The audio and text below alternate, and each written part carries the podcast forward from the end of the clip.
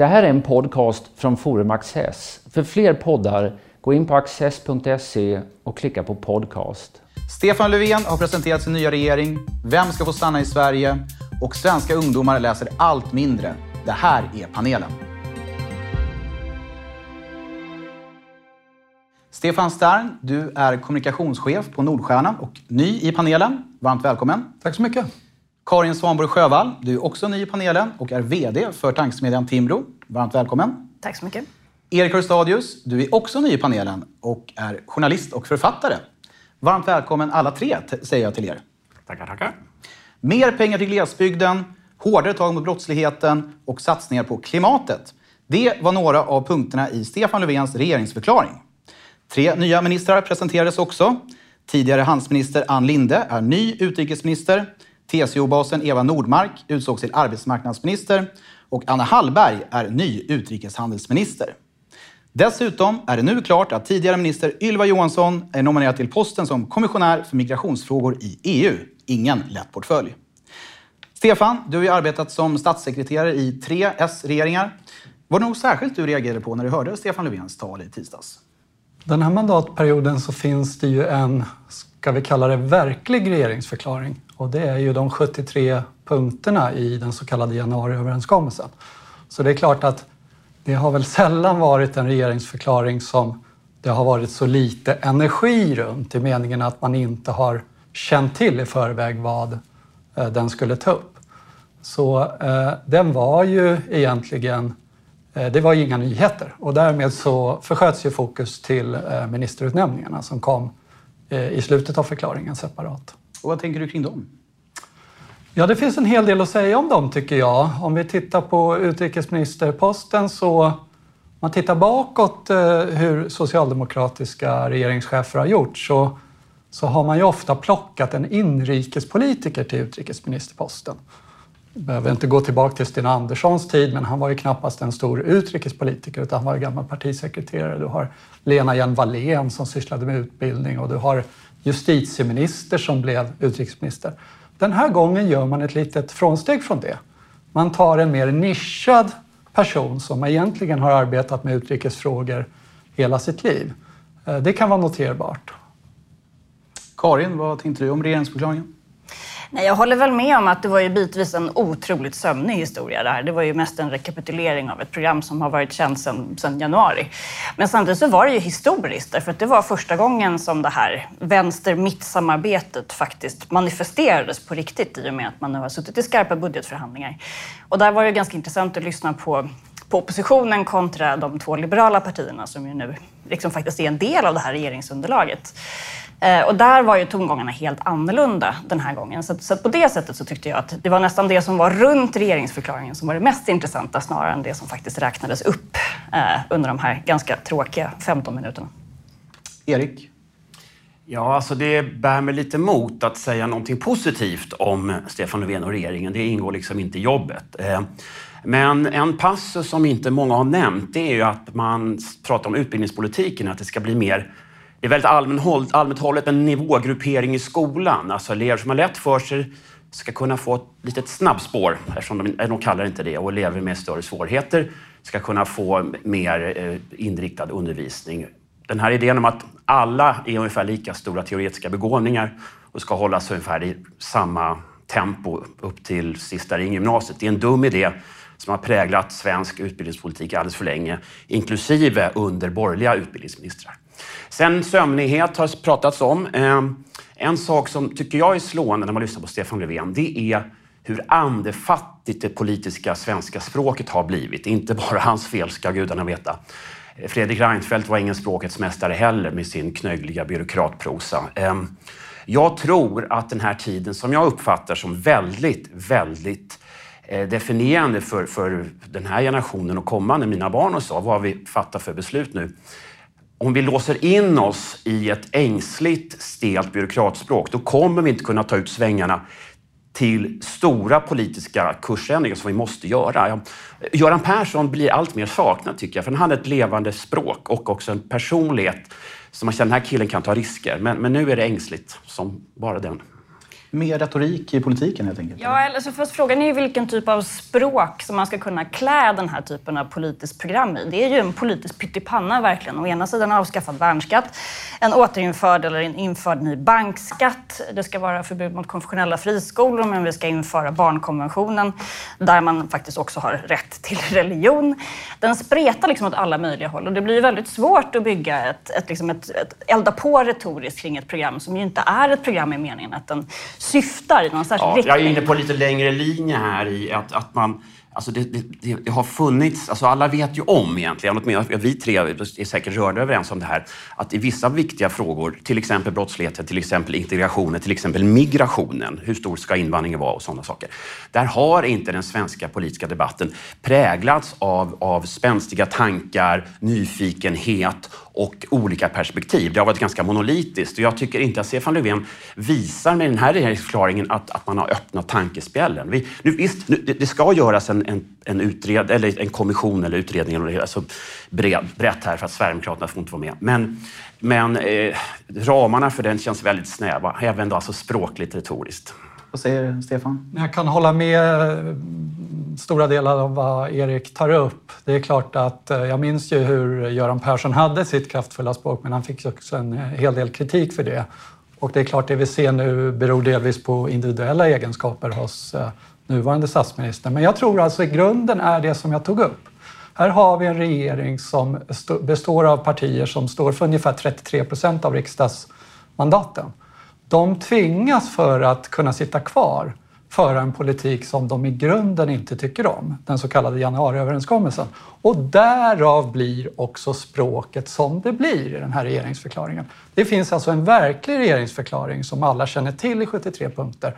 Och många av de här 73 punkterna är ju sånt som både S och Miljöpartiet, men framförallt S, inte tycker om. De tvingas att föra den här politiken. Och då blir inte språken, det blir inte en retoriskt snygg produkt eh, när man inte kan tala för den politik som, som, som man tvingas regera på. Det är huvudförklaringen. Hur stort problem är det för S att föra en politik som man inte bottnar i på lång sikt? Ja, det är stora problem. Jag tror inte att problemen ska överdrivas för själva regeringen. De 20 plus statsråden, varav de flesta kommer från S, de kan nog leva med eh, den här överenskommelsen. För att på plussidan så ligger ju då naturligtvis att de, trots att de förlorade valet, får sitta kvar.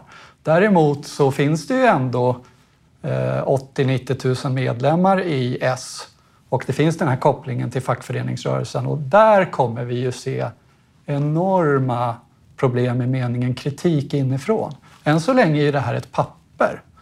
Nu ska, det, nu ska det utredas och sen ska det genomföras i verkligheten. När det genomförs i verkligheten, alla de här punkterna, marknadshyror, eh, det som har kritiserats kring vinst i välfärd, det som har kritiserats kring värnskatten och, och mycket annat, då kommer kritiken och då blir det inte lätt för regeringen. Marknadshyran kommer väl inte genomföras eftersom Jonas Sjöstedt då kommer att välja att fälla regeringen. Det har han ju Tillsammans sagt med... om arbetsmarknadspolitiken med LAS. Ja. Det har också varit en sån röd linje. Ja, och jag tror att han måste dra det, det kortet så att säga. Vi får se. Men, men, men eh, jag är oroad för demokratins legitimitet. Den här regeringen klarar sig eh, om eh, mycket möjligt. Men eh, vi har liksom oppositionsrollen är väldigt oklar när två borgerliga partier är i regeringssamarbetet och när regeringen lägger fram förslag som, den, som ni har varit inne på, inte riktigt tror på. Medborgarna kommer att... Jag står liksom inte riktigt ut med en demokrati som har så svag förankring i vad väljarna anser vara rätt förslag och viktiga frågor.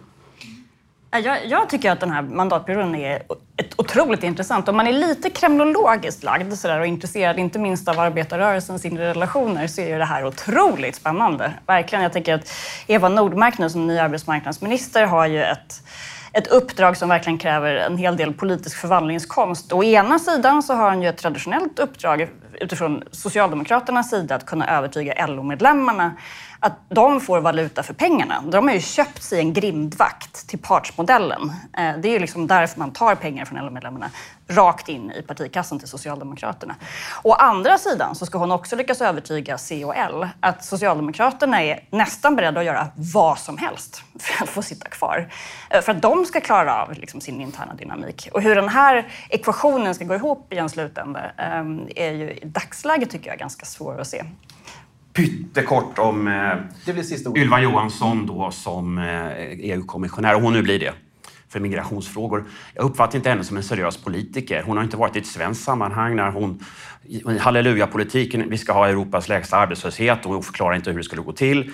2015 sa hon att vi har otroligt välutbildade invandrare som kommer. Vi vet nu att det var väldigt låg, eller vi visste redan då att det var lågutbildade människor, eh, de flesta som kom. Och eh, när det togs upp eh, om ökade eh, sexbrottsligheten i Sverige så sa hon i utländska medier när det går bara ner och ner och ner och ner eh, med sexbrottsligheten. Eh, hon är en plakatpolitiker men helt utan substans och vad hon ska göra i Europa är jag väldigt orolig över. Jag bara konstaterar vad gäller kommissionen att det är tredje gången Sverige får samma fråga, det vill säga inrikes och migration. Gradin fick den. Första perioden fick eh, Malmström den och nu får Ylva Johansson. Det är alltså frågor som inget annat land vill ha.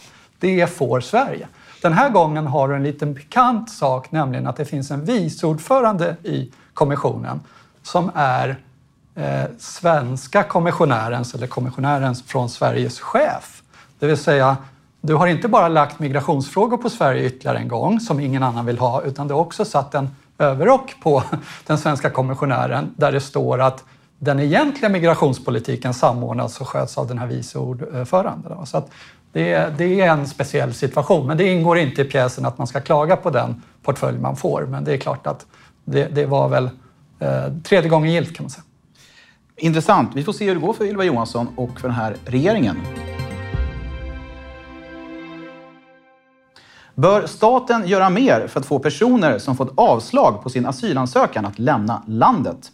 Ja, det tycker i alla fall Moderaterna Oliver Rosengren, Lars Rodén och Torbjörn Tegenhammar. I Expressen Debatt anklagar de Socialdemokraterna för att låta ett skuggsamhälle ha vuxit fram och kräver bland annat nationella mottagningscenter och ett villkorat bistånd för att sätta press på andra länder att ta emot personer som fått avslag på sin asylansökan. Tidigare i månaden skrev även SvDs ledarskribent Ivar Arpi att myndigheterna måste prioritera utvisningar, något som väckte häftig kritik. Samtidigt som den här debatten pågår så försöker de svenska riksdagspartierna att samla sig kring en ny migrationspolitik.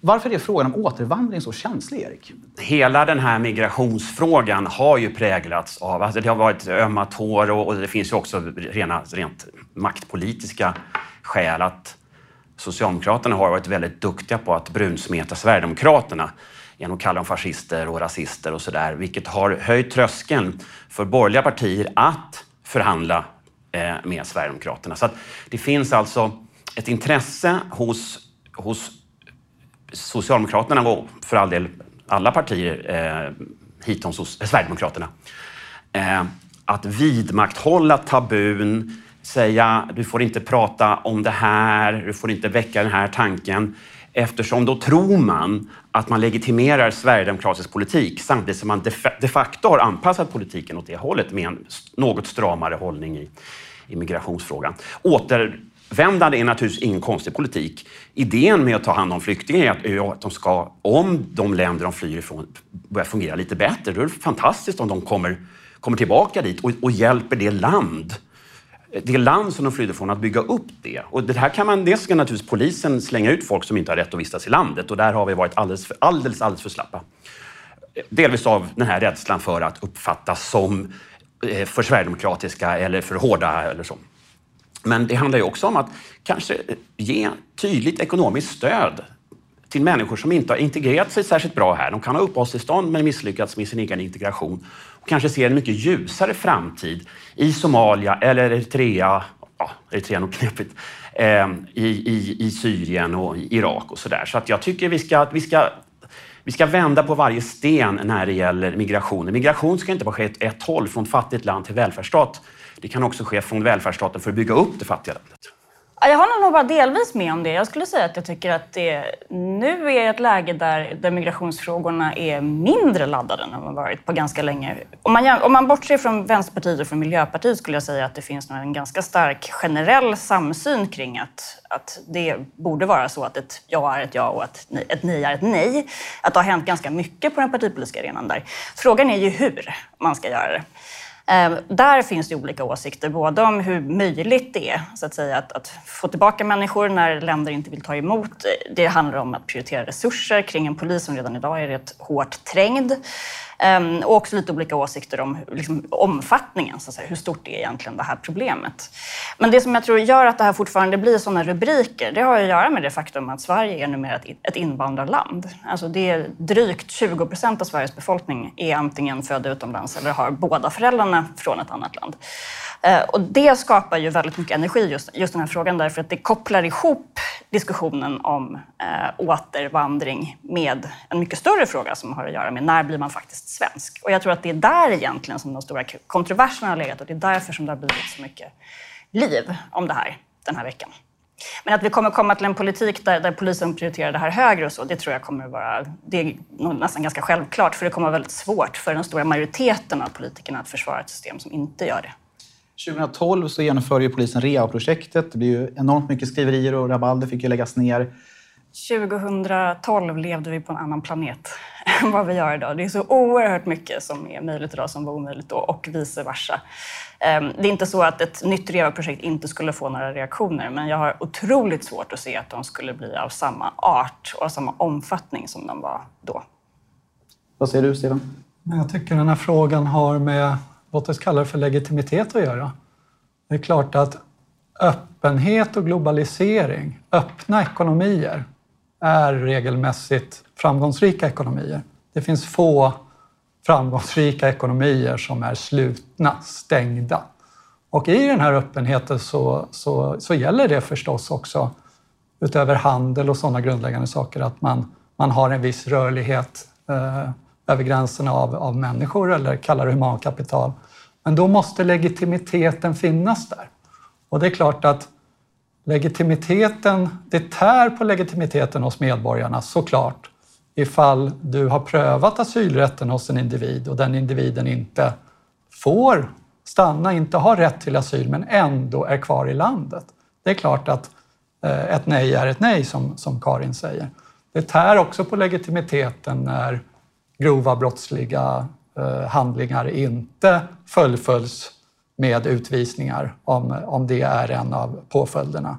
Och du ser också hur eh, humankapital. Du ser de här så kallade kompetensutvisningarna exempelvis, där företag har stort behov av experter i sin produktion. Och eh, när det har begåtts något litet formellt fel så skickas en sån individ ut. En kvinna, en man som, som har en kompetens som, som betyder jättemycket för Sverige. Där är det hårt och tydligt att det skickas ut. Så att det här har med legitimitet att göra och alla borde värna eh, det här eh, som både de som, som, som betonar asylrätten och de som eh, tycker att, att, att det här har gått lite för långt. Att, att till och med så att det finns illegalt kvarstannande, papperslösa eller vad man nu kallar de som inte har rätt att vistas i landet får ju till och med eh, stöd från, i vissa kommuner från, från socialnämnderna. De får liksom pengar för att vara här fast de inte får vara här. Men sen så måste jag ju påtala också att valrörelsen var ett kapitalt misslyckande i att belysa den här frågan. För att det var så att Jan Björklund och andra politiker kunde säga nu ligger vi på EUs miniminivå när det gäller invandring. Och eh, jag talade om att man stramat åt något. Ja, något. Man har inte stramat åt alls så mycket som, som folk tror. Alltså vi har en invandring nu, om vi räknar asylinvandring och anhöriginvandring och oseriös arbetskraftsinvandring. En del av arbetskraftsinvandringen är uppenbart oseriös. På 50-60 000 om året. Det är enorma siffror. Sverige är vant vid en invandring från länder med, med människor med generellt låg utbildning. Kanske 10 000 eller 15 000. Kanske ännu mindre. Nu, fast vi säger att vi har stramat åt, ligger vi på minst 50 000 om året. Och vi vet vilka enorma integrationsproblem vi redan har. Filipstad lyftes ju upp härom, härom veckan i Uppdrag granskning, men det är ju väldigt många kommuner som går på knäna redan nu. Eh, och sen så fortsätter man knuffa in enorma volymer. Ehm, och ehm, det här är så att säga, alltså legitimiteten handlar också om att man gör det man säger. Vi har pratat om en kraftig åtstramning som vi inte riktigt har, har åstadkommit. Vilka verktyg har nuvarande regering att ta i med hårdhandskarna? Givet att eh, S måste regera med Centerpartiet och förhålla sig till Miljöpartiet som är koalitionspartnern. De har alla verktyg i världen. Eh, det är en av huvuduppgiften för en regering, det är att den så kallade kärnstaten levererar. Och dit hör typiskt sett sådana här områden. Eh, det handlar om att prioritera det. Jag delar Karins uppfattning att vi kommer få en eh, situation där det här kommer bli ganska okontroversiellt egentligen. Eh, därför det har med legitimitet att göra. Vi kommer också få en migrationspolitik som mycket mer inriktas på att hjälpa på plats. Det vill säga att hjälpa alla de flyktingar som finns i världen Eh, i eh, närområdet. Och vi kommer också få se ytterligare åtgärder. Jag tror att det som är kontroversiellt i regeringssamarbetet det är den så kallade anhörig, anhöriginvandringen. Och där har du så att säga en liten, ja, en liten uppdelning som är lite annorlunda där Centern och Miljöpartiet delvis står på en sida och så har du och, Vänsterpartiet finns där också och så har du de andra partierna. Och skulle S få bestämma själva då är det min gissning att de inte skulle vilja Eh, egentligen var så generösa på den punkten. De gick ju till val på att göra någonting annat även på den här punkten. Så att eh, det är klart det är besvärligt för S. Så, så därför kommer de i den delen vilja eh, ha en uppgörelse över blockgränsen. Jag vill milt protestera mot idén om att utvisningspolitiken skulle vara okontroversiell. Alltså det var det under REVA-projektet 2012. Den kommer bli det nu också, för det finns, en, en det finns väldigt många eh, aktivister som är tillgång till media, som när polisen då börjar så att säga, söka upp människor med annan hudfärg och kolla, har du uppehållstillstånd? Det, vi kommer ha, det kommer hagla av artiklar, indignationsreportage och aktivism mot ett hårdare polisarbete. Jo, men det tror inte jag att politikerna bryr sig om på samma sätt i det här läget. Därför att opinionslandskapet har förskjutits så långt i den andra riktningen att de kommer säkert att fortsätta uppvakta sina vänner i politiken och sen så kommer de larma. Men jag tror inte att det gensvar som de fick förra gången kommer att upprepas. Tittar man på Socialdemokraterna så är riktningen, tycker jag, ganska entydig i en restriktiv eh, ordning. Ja till afghanerna, eh, ja till anhöriginvandring. Det är verkligen inte entydigt. Ja. Och, och enorma volymer fortfarande. Jag förstår inte hur du kan säga att, att, att socialdemokratin skickar en tydlig politik om vart man är på väg i migrationsfrågan. Det tycker jag är, det är bara, det är bara nonsens att säga det. är inte en tydlig politik, men det finns en tydlig retorik, apropå retorik där. Att man har helt och hållet bytt ut det språkbruk som man hade tidigare. Och sen så gör man eftergifter som man helt uppenbart... Men man säger ju så här att om man ska ha permanent sen... uppehållstillstånd, i, i grundgrejen, nu har man mest tillfälliga. Man säger att familjeåterförening är viktigt för integrationen. Ehm, det vill säga att man, man, man öser på med argument för en fortsatt stor invandring. Det är inte alls en riktning i åtstr- eh, ja, om, den är, om den är så omfattande eller inte. Jag tror att man för det första behöver göra skillnad på, som du var inne på, anhöriginvandring, asylinvandring, arbetskraftsinvandring och människor som faktiskt försöker få tillstånd att komma hit. Man kan inte klumpa ihop dem riktigt på det sättet. Och som berättar, jag, jag tycker att det är helt uppenbart vad Socialdemokraterna skulle vilja göra. Sen är de nog i den här frågan som de är i alla andra egentligen rätt principlösa. Alltså om det som krävs för att kunna ja. sitta kvar vid makten är att tumma på sina principer, då kommer de att göra det. Men att de vill i en annan riktning, det tycker jag är ganska uppenbart. Och i takt med att det här opinionslandskapet förskjuts så blir det lättare och lättare för dem dessutom att, att hålla emot, är min gissning. Du får sista ordet Karin och eh, vi ska runda av till veckans sista ämne. Bara 11 procent av alla 17 och 18-åringar läser regelbundet böcker och tidningar enligt en rapport från Statens medieråd. 2012, det år då myndigheten började undersöka ungdomars läsvanor, var siffran hela 27 procent. Studien visar också att en stor andel av de tillfrågade tycker att de ägnar sig för mycket tid åt mobilen och för lite åt att läsa. Karin, borde vi vara oroliga eller är det här bara ett teknikskifte? Nej, jag tror att vi behöver vara oroliga för detta. Men det som har slagit mig i diskussionen om det här har ju varit att nästan all energi fokuseras nu på vad, vad, samhället ska göra. Och det är klart att det finns saker som samhället kan göra för att motverka den här eh, utvecklingen. För jag tror att det är viktigt att man tar sig tid att läsa texter och att man vänjer sig vid att även läsa större textmassor eh, obrutet. Och då kan man ju titta på skolors möjlighet att införa mobilförbud eller att man inte tillåter tv-spelande på fritids och allt vad det kan vara. Men den stora frågan som jag tycker liksom hela tiden faller bort, det handlar ju egentligen om föräldraansvaret. Och jag inser att jag nu låter mer konservativ än vad jag brukar göra i sådana här sammanhang. Um, men att här finns det ju verkligen en, liksom ett, ett, ett, ganska viktigt ämne tycker jag kring hur det kommer sig att det är så svårt för föräldrar att sätta gränser. Eh, och varför man inte hjälper till att stötta skolan i det här arbetet istället för att leja ut det här ansvaret. Antingen på skolan själv eller på samhället i någon slags liksom, allmänna bred mening. Ehm, det är ju en sak ifall skolan förbjuder mobiltelefoner, men ifall ungarna aldrig har sett en förälder sitta med en bok själv eller, eh, eller att man aktivt faktiskt har uppmuntrat barnen att läsa, då kanske man inte ska bli så förvånad över att samhället i någon mer bred abstrakt mening inte kommer att kunna klara det här uppdraget på egen hand. Vad säger ni andra? Okej, okay, eh, jag ehm, gör den här iakttagelsen att, att du använder två jämförelseår. Det ena var väl alltså förra året eller någonting och den var cirka 2011 tror jag. Och eh, det vi ser här är ju genomslaget för smartphonen.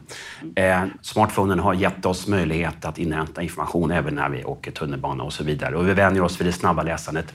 Det som är djupt oroande är naturligtvis att Eh, det är inte fel med den snabba informationsinhämtningen, men om, om vi tappar det, lång, det lite långsammare, djupare läsandet ehm, så, så, tror jag att många i det uppväxande släktet kommer att ha svårare att alltså skriva kvalificerade texter, att, att tänka djupt. För att det är någonting med bokläsandet där man är inne i samma värld, inte bara en minut eller tio sekunder som man är på sociala medier och när man hem, snabbt googlar fram något. Utan man, man förflyttar sig till den andra världen. Och vi vet inte hur det här långsiktigt påverkar våra hjärnor. Men det finns allt mer övertygande bevis om att det finns en kostnad, alltså att vi tappar det här djupa. Liksom. Skolan borde vara en motkraft. Som förälder, jag är helt med på föräldraansvaret, men det är svårt som förälder när mobilen lockar och när inte läsandet har liksom vants in så är det svårt att komma och säga nu ska du läsa en bok om barnet tycker det är tråkigt. Men om skolan gör det så får man, liksom, får man hjälp på traven. Och skolan får ju ändå vara tråkig utifrån läxor och sådana saker. Ehm, då kan ju bokläsning te sig liksom som en ganska attraktiv hemuppgift och vänja barnet vid läsning. Stefan, vad betyder det här för partierna? Hur ska de tänka strategiskt kring att kommande väljargrupper inte läser i alls lika hög grad som tidigare generationer? Men det är klart att eh, hjärnan är en muskel och som alla muskler så behöver eh, muskler tränas. Och då är ju läsning överlägset Eh, i vissa hänseenden. Eh, du lär dig ämnen inte bara översiktligt, det kan du lära dig på många olika sätt, men du lär dig mycket mer nyanserat kanske och mer fördjupat. Om du läser böcker på iPad eller i iPhone eller i print, det spelar mindre roll tror jag. Och det är klart att eh, föräldraansvaret är ju A och O. Du förbereder ju ditt barn mycket eh, tydligare för skola och utbildning. Det som sen avgör om du kan förverkliga din potential som individ. Utbildningssystemet är ju avgörande och det är klart att får man ett intresse hos sina barn att börja läsa så är det en jättefördel. Partierna, eh, partierna, det är klart att långsiktigt så är det här ett samhällsproblem även om det är, eh, som jag ser det också, ett, ett ansvar på föräldrar och individ. Men eh, parallellt med att, att, att eh, medborgare och väljare läser mindre så, så, så, så är det sannolikt så att även de som är i partierna, du frågar om partierna, också läser mindre. Så det här blir så att säga generellt då. Eh, ja, det, det är ju ett större problem ur ett samhällsperspektiv än att det är partiernas problem. Eh, att man inte tar till sig information nyanserat och kanske fördjupa sig i olika ämnen. Det, det är klart att det är en stor nackdel. Nej, men, nej, men jag tycker att det är klart att skolan har ett ansvar för det här. Det är inte så jag menar. Att, inte minst kanske för barn som kommer från hem där det inte finns en studievana och där man inte växer upp med böcker naturligt. Så har skolan ett jätteviktigt kompensatoriskt uppdrag just i att, liksom, att föra in den här dimensionen som jag tror är helt centralt. Men efter att ha varit på några ganska upprörande föräldramöten själv så börjar jag känna, jag börjar känna mig mer och mer förbannad på medelklassen. Alltså det är också en, en föräldrageneration idag som jag tror är en stor del av problemet. Eh, som man inte kanske från politiskt håll är så sugen på att reta upp därför att det är en viktig väljargrupp. Eh, men som, som lejer ut det här ansvaret ganska lättvindigt, som tycker att det alltid är någon annan som ska lösa saker och ting, som är väldigt duktiga på att ställa krav, men som själva verkar vara väldigt dåliga på att sätta gränser. Um, och det här är, det är ett samhällsproblem på riktigt. Som det är jag... Danderydsbornas uh, fel. Ja, ja precis.